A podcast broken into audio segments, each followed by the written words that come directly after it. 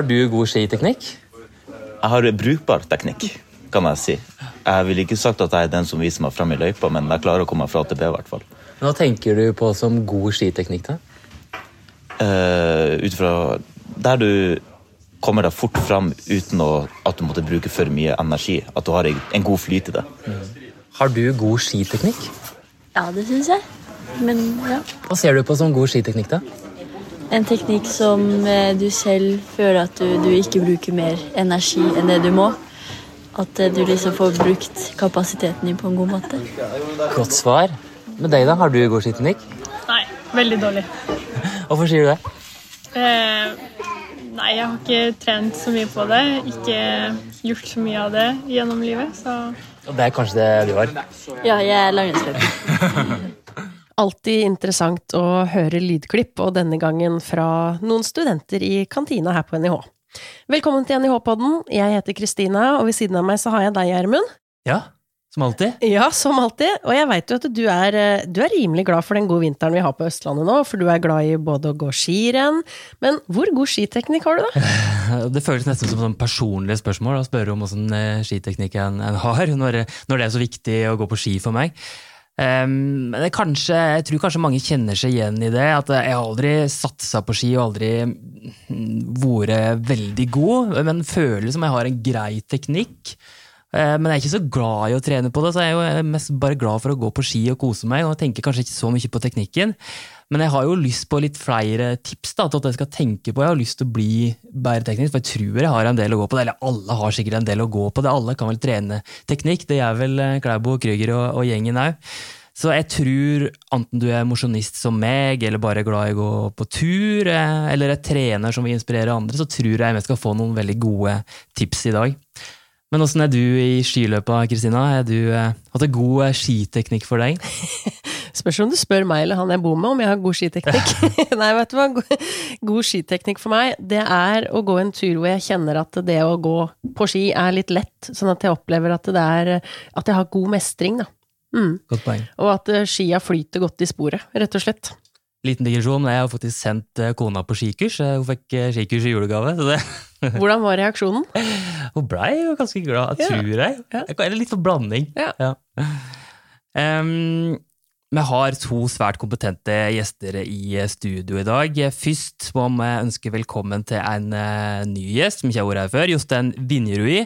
Først og fremst telemarking som, eh, som meg. Takk for. Velkommen det. til deg. Men du har jo vært langrennstrener i mange år, nå for eh, Team Aker Dæhlie og landslagstrener for eh, Storbritannia. Du kjenner han kanskje fra NRK-serien Olympic Draum, som fulgte da Andrew Musgrave og gjengen fram mot eh, OL, var det vel? Åssen er ståa for den eh, gjengen nå, Jostein? Nei, det er jo ganske greit nå, egentlig. da. Så jeg syns det er moro å bli invitert på den podkasten her. Det, det er vel en akademisk institusjon, etter som har skjønt det siste, så det er jo et, et løft for meg, det. Å få bli med på det. Men det er eh, det. nei, vi har um, ganske god kontroll. Vi mot, skal til USA og Canada nå på World Cup dit. Eh, reiser med fulltallig tropp minus Andrew Young, som ble sjuk her eh, i forrige uke. Fikk streptokokker og er ikke tilbake, eller han er tilbake i trening, men eh, han får eh, bygge seg opp mot den siste delen av World Cup-sesongen i Lahti, Kollen og Falun. Men ellers er han med friskt mot. Og det er jo veldig godt observert, Jostein, for vi er jo en vitenskapelig høyskole. Det er vi. Det er godt å følge med. Ja. Eh, ja. Vi, vi har også lyst til å ønske langrennsforskeren vår på huset, vi. Thomas Lusnegård, velkommen tilbake. Tusen, tusen takk. Du er jo professor ved Institutt for fysisk prestasjonsevne og ansvarlig for utholdenhet på Olympiatoppen, og du har jo både fulgt, fulgt opp og forska på langrenn i mange år. Det er riktig. Starte med deg, eh, Jostein. Vi skal snakke om eh, god skiteknikk i dag. Og du som da trener flere av de beste langrennsløperne i eh, verden, som jeg ser på skjermen hver helg. Eh, Og vi ser jo ofte at eh, løperne gjeng eh, på forskjellige måter, og kommentatorene jo, skryter jo veldig av de som gjeng godt og flott på ski, men det er jo ikke alltid det er de som, som vinner heller. Hva tenker du på som god langrennsteknikk? God teknikk for meg er jo først og fremst effektiv teknikk, da, som gjør at det flyter fort framover. Og så er det jo Som du sier, ofte, eller det har jo skjedd at en ser folk som da i alle fall eh, i, med norske øyne mener at, den, at det ikke går bra teknisk, likevel vinner skirenn.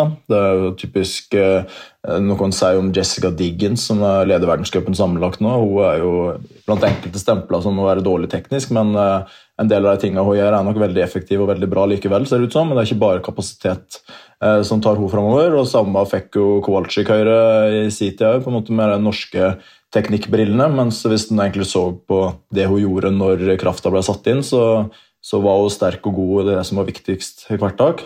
Så um, det er, liksom, det er litt øye som ser, men vi har jo en norsk skole som jeg jo kommer ifra. ikke sant? Så da så er det jo den teknikken vi ser, er den, den som på en måte flyter, flyter fint og, og ser reinest ut. da. En ganske clean, clean måte å gå på. Thomas, altså, hva er god langrennsteknikk for deg, og i på en måte perspektivet, sant, som Jostein nå sier, altså at det flyter godt, hva ligger egentlig i det? Ja, altså Som fysiolog så er jo kanskje mitt utgangspunkt at uh, det er en bevegelsesløsning der du skal vi si, bruker minst mulig energi på å flytte det framover. Det er jo egentlig det tror vi alle her snakker om, bare i litt forskjellige termer. Eller en teknikk der du på en måte kommer deg raskest fra A til B. Og så tenker vi kanskje langrennsteknikk mer sånn tradisjonelt at det er teknikk som er på flater og motbakker, men det er jo også viktig å huske på at langrennsteknikk er jo også nedoverbakker, eksempel. Eh, og eksempelet er med Jessica Diggins. Det er jo, det er jo et sted hun er veldig god, og som på en måte er veldig objektivt også å se. Det er jo at hun er veldig god nedover. Mm. Eh, sånn at for meg så handler jo det der om å, hvor mye krefter du setter i det versus hvor mye brems du egentlig har. da.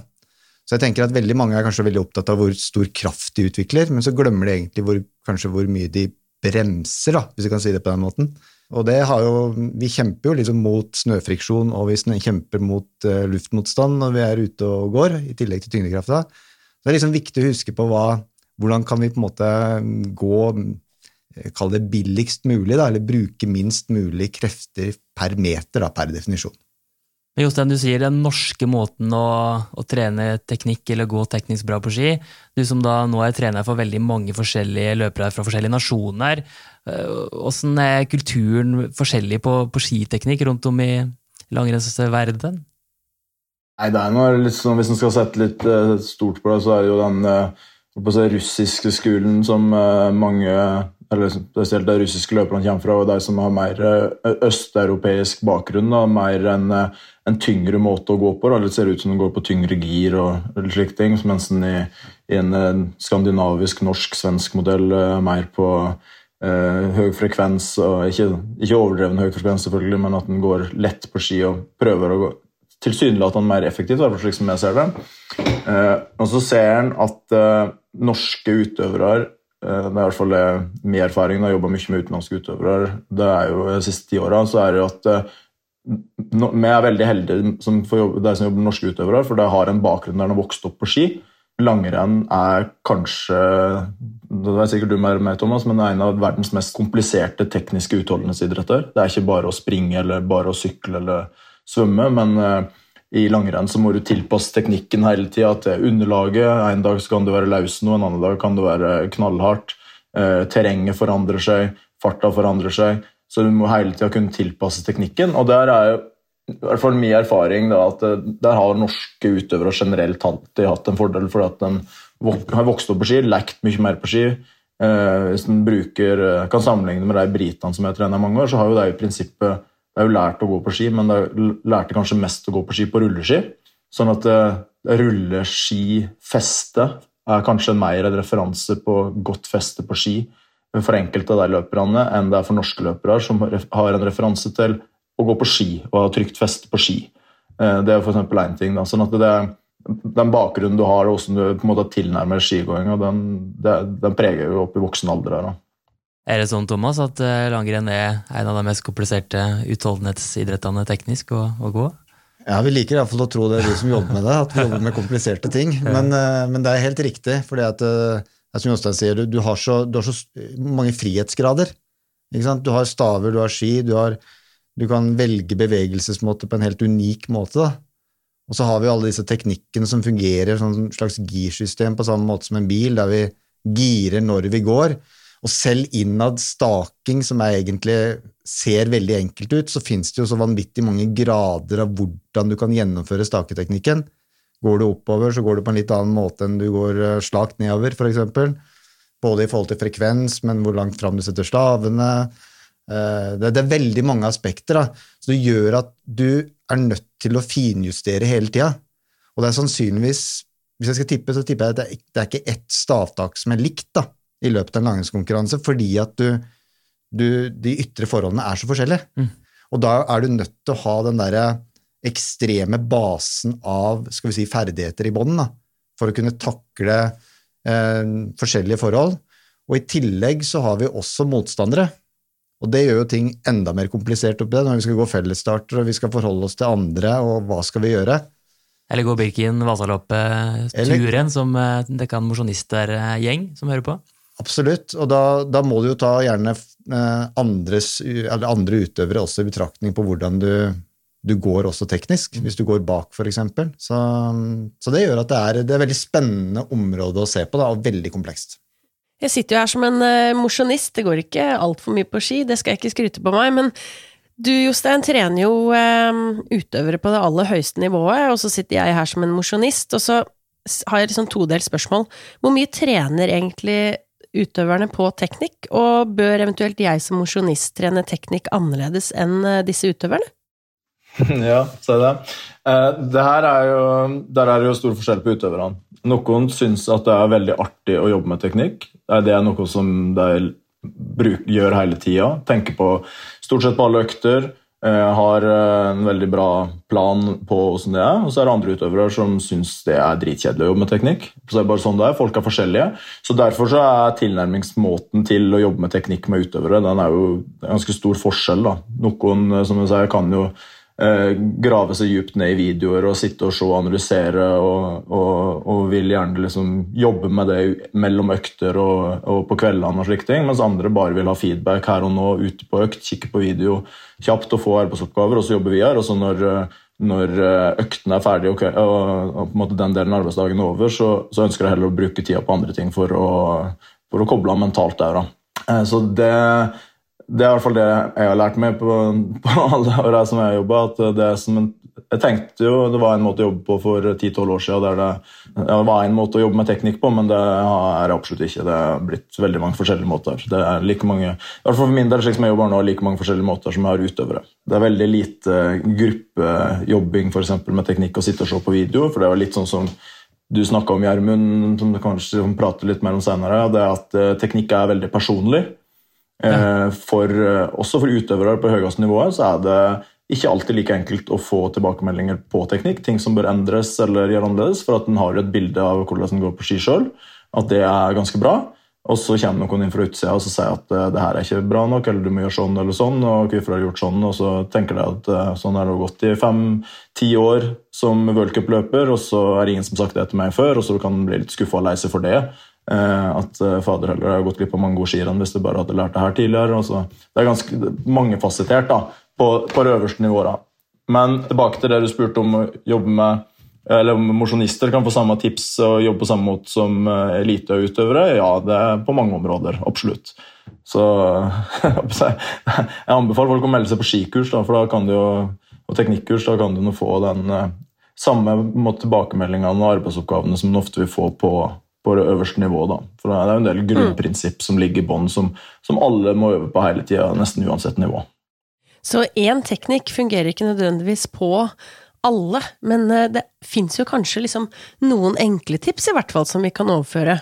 Ja, absolutt. Mm. Ja.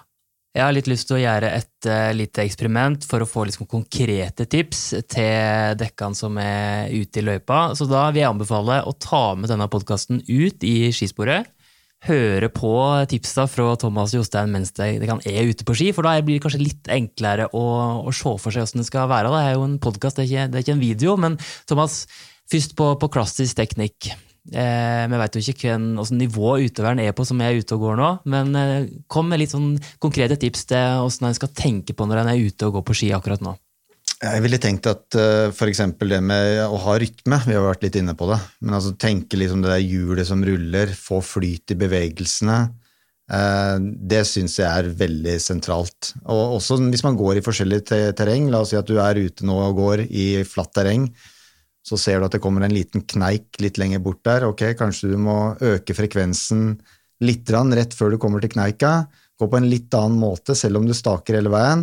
At du leser terrenget da, litt samme måte som en si, kartleser i rally. At du er litt på en måte forut for terrenget når du går.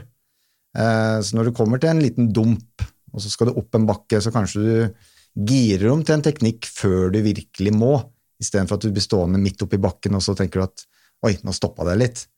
Så det å lese terrenget og det å få rytme og flyt, det tror jeg er kanskje noe av det viktigste, også for at det er mye mer gøy å gå på den måten. Men åssen skal du få rytme og flyt? Ja, altså det jeg ville tenkt litt at uh, hvordan skaper du dette hjulet? da? Altså Du må tenke at dette her, det er bevegelser som går hele veien. Man unngår for mye start- og stoppbevegelser. Men tenke eksempel, hvis du ser på stavene dine nå, er det bevegelse i stavene hele tida? Altså framover, bakover, ny runde, eller stopper de bak og stopper de foran? Hvis de stopper, så blir det gjerne litt sånn hakkete rytme, ikke sant? Men hvis vi klarer å tenke at her er det mer eller mindre kontinuerlige bevegelser hele tida, så har du sannsynligvis ganske grei rytme på det. Så rytme er iallfall en av de tingene som jeg vektlegger. da. Og så har en jo hørt om dette klakkelydene som en kanskje ikke skal høre.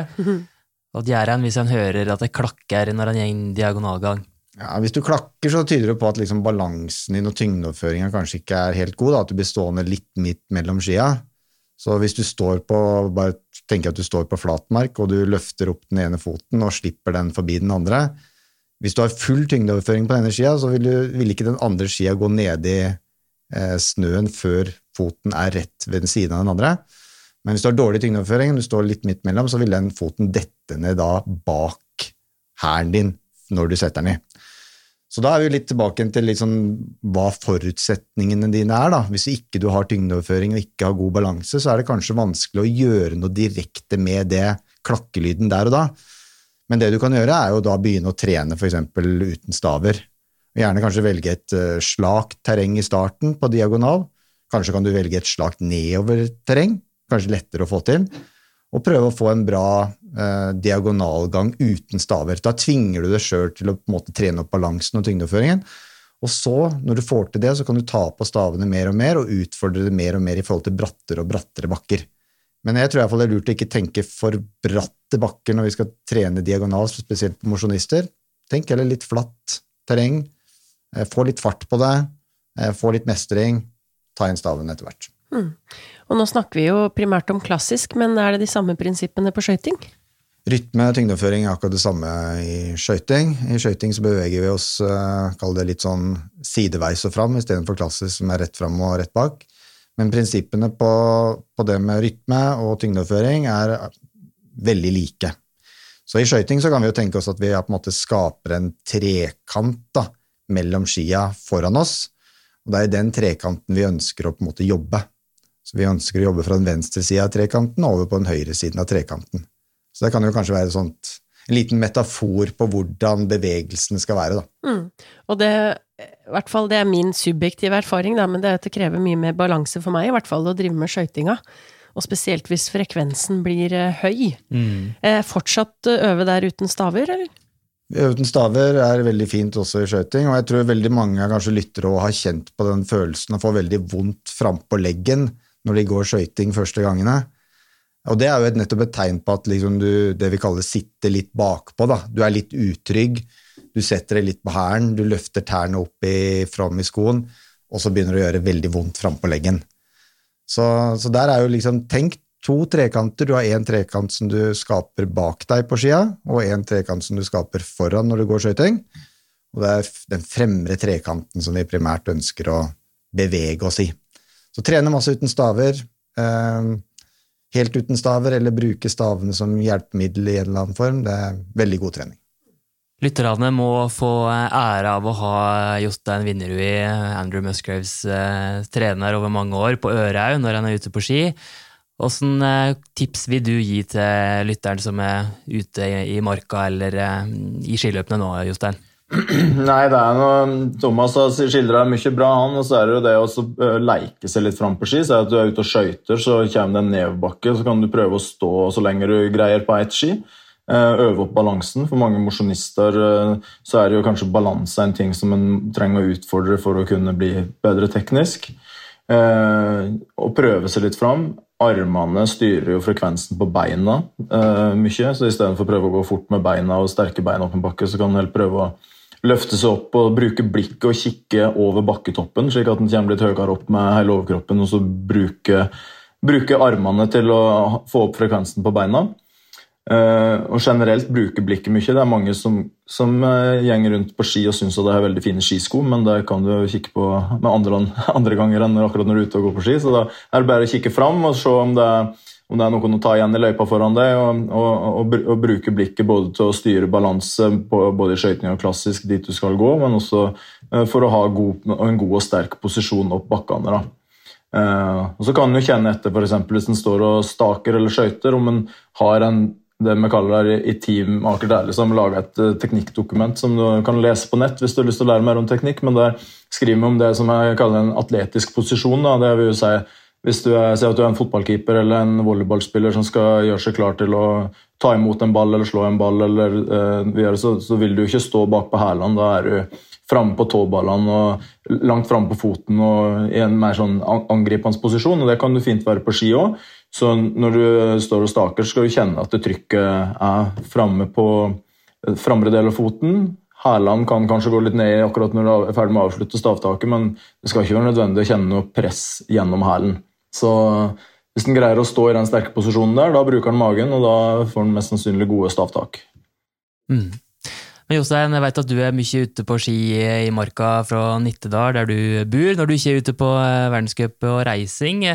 Når du ser eh, mosjonister og andre turgåere i løypa, ser du noen sånne eh, vanlige feil som du som trener ser godt? Ja, den gjør jo det. Det som er, håper seg artig når en går på ski i Norge, er at generelt når en møter folk som går på ski, så er det veldig mange som går bra på ski.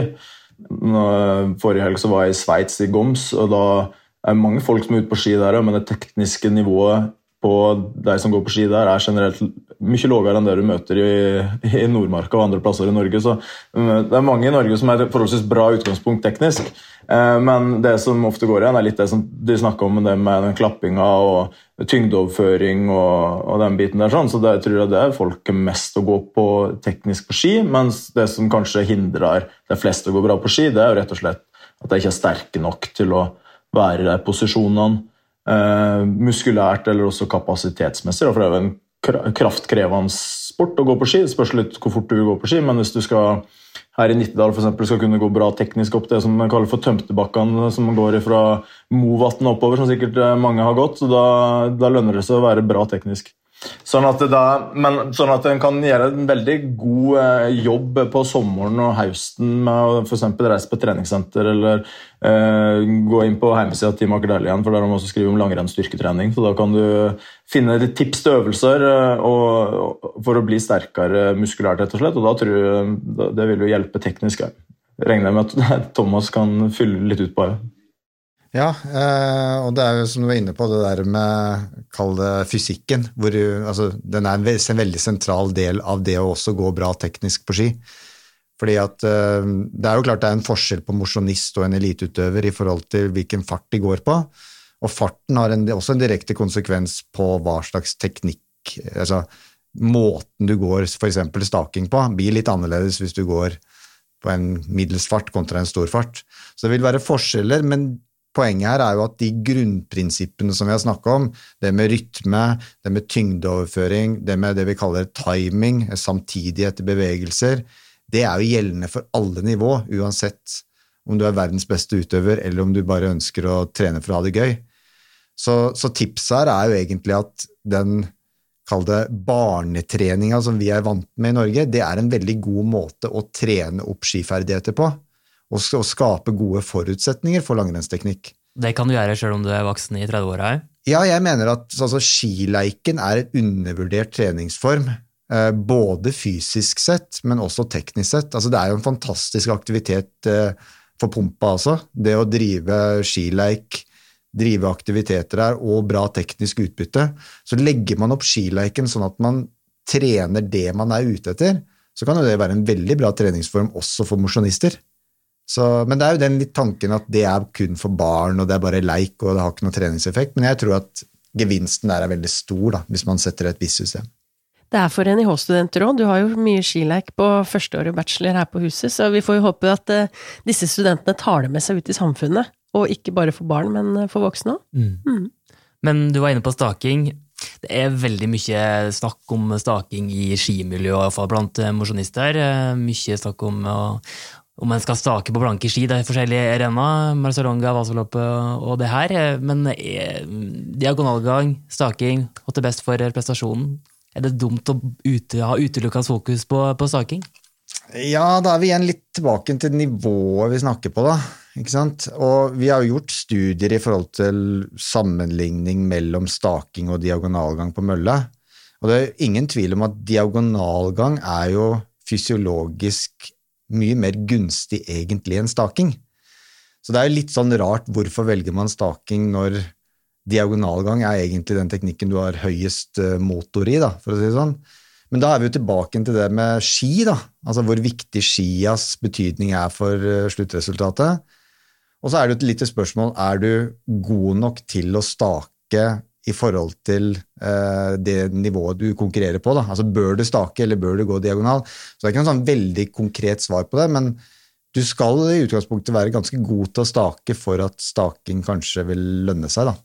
Men samtidig er jeg veldig imponert over jeg ser en del mosjonister som er ute og staker nå, og det går unna. altså. Mm. Og det har skjedd en vanvittig utvikling de siste eh, ti årene. Er det, eh, jeg sitter og lurer på, altså staking, eh, er det uansett terreng? Uansett om det er flatt eller oppover, eller altså, hvordan kan jeg variere staking og diagonalgang i løpet av en tur da, Jostein?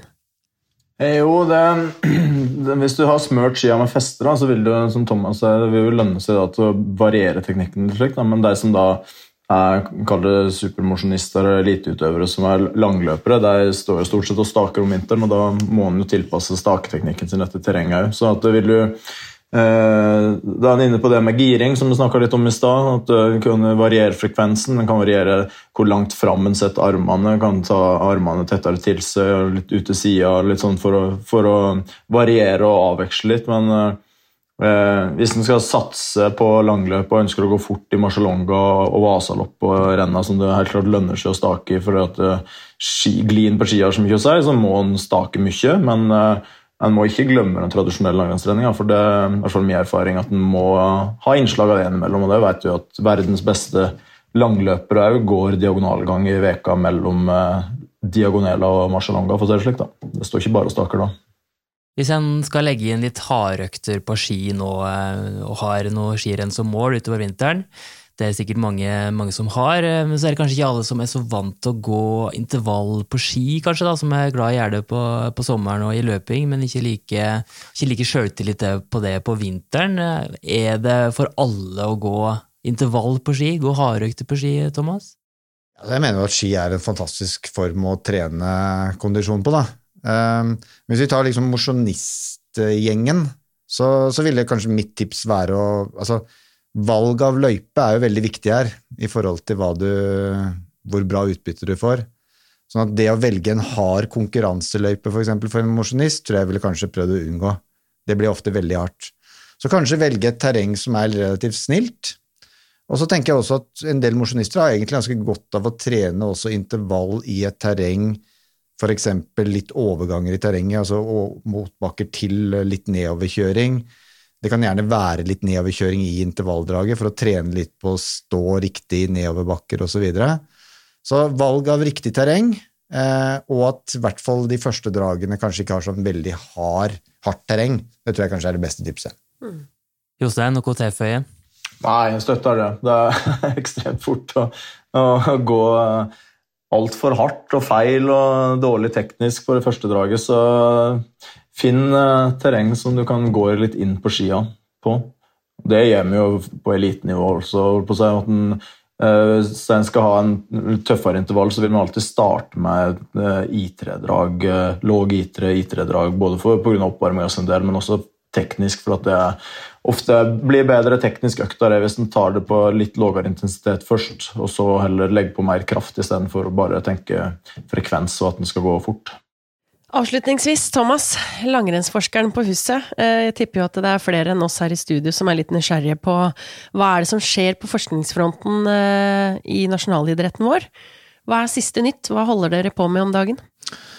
Eh, egentlig litt sånn lignende det vi har snakka på i dag. i forhold til, altså Det har skjedd veldig mye i forhold til å forstå hva som skjer i langrennskonkurranser på høyt nivå de siste ti årene. Fordi at vi har fått muligheter til å studere mer eksakt hva som skjer i felt, med bruk av GPS-er og akstrometer og sånn som vi kan på en måte trekke utøverne, og det vet jeg også mange av de lagene også gjør sjøl, i forhold til å få en god analyse om hva de har gjort.